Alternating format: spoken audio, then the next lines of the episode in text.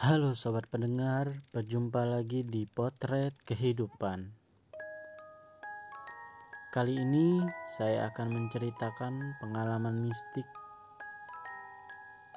yaitu pendakian menuju puncak Gunung Cikuray.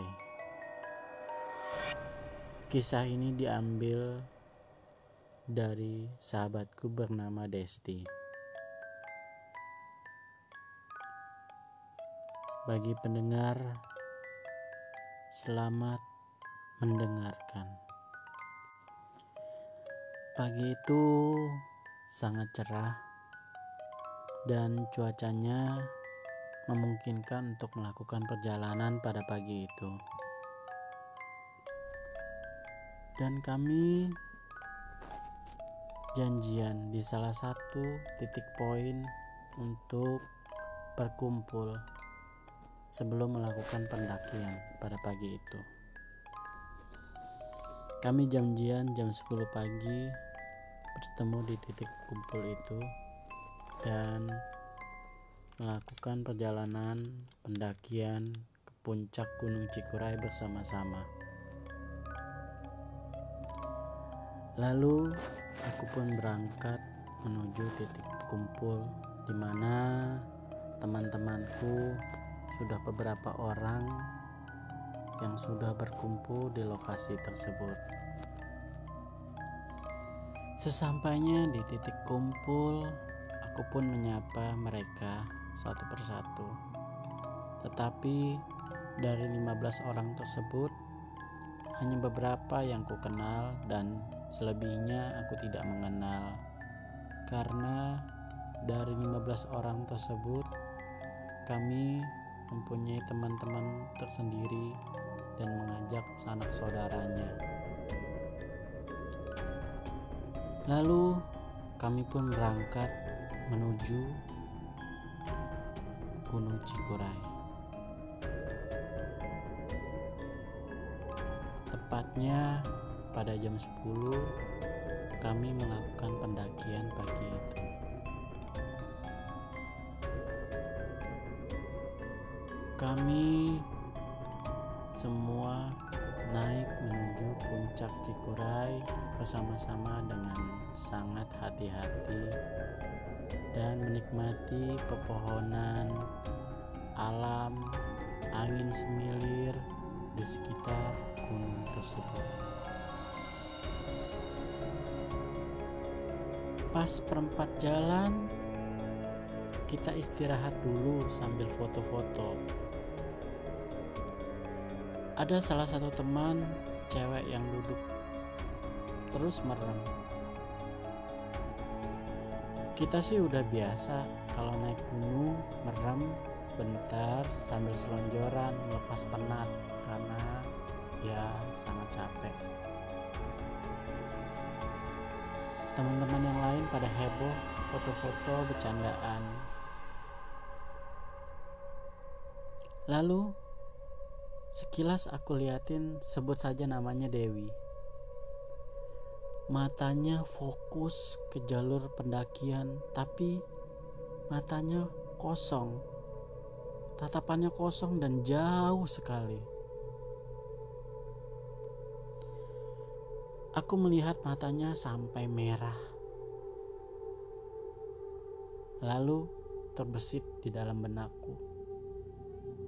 Ah, mungkin kalau dia tidur matanya emang terbuka. Mungkin dia melek. Tapi karena takut aku tanya teman yang kenal sama dia. Kebetulan kita banyak yang baru pertama kali ketemu pas pendakian ini. Katanya sih biasa aja. Karena udah siang Akhirnya kita siap-siap dan bangunin si Dewi.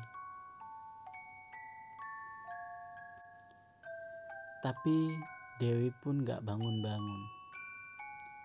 Segala macam cara kita lakukan biar dia bangun sampai olesin minyak ke pelipis sama jindatnya.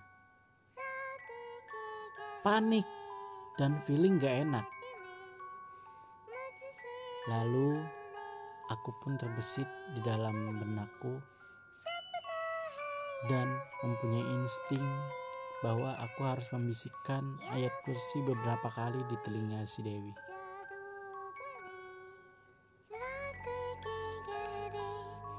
Akhirnya Dewi pun terbangun. Biasa aja, kayak baru bangun tidur. Akhirnya kita lanjutin perjalanan. Di tengah jalan, si Dewi pun bertanya, "Ada apa? Kok tadi pas saya tidur pada ngerumunin?" Kita cuma bilang dia ketiduran aja. Terus dia cuma bilang pas lagi duduk dia lagi ngeliatin ada orang lewat di jalur pendakian. Lalu kami pun tersontak kaget. Sedangkan kita tidak melihat ada yang lewat di jalur pendakian tersebut.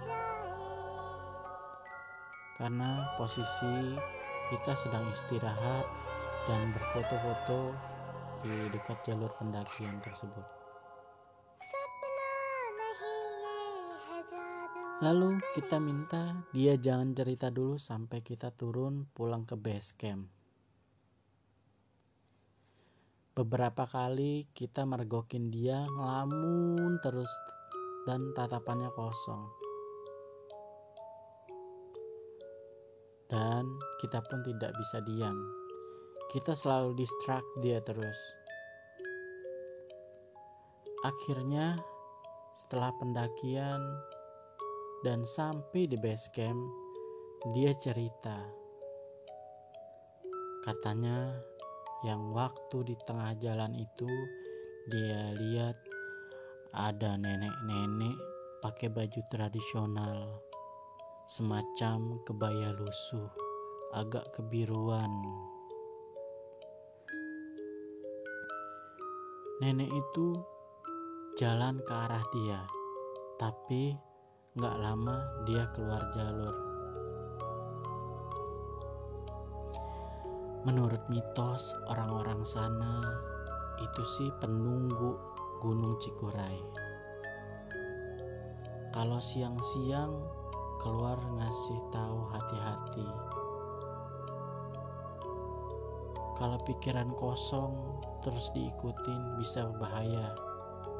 Bisa jatuh ke dalam jurang.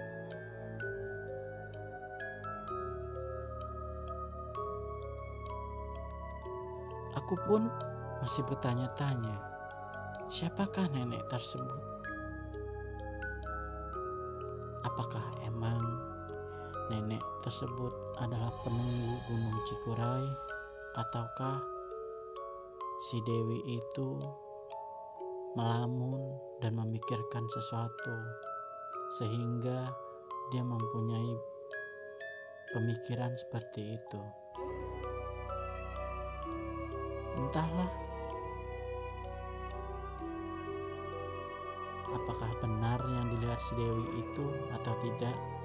Cuman kami percaya di setiap gunung di setiap perjalanan pasti ada penunggunya.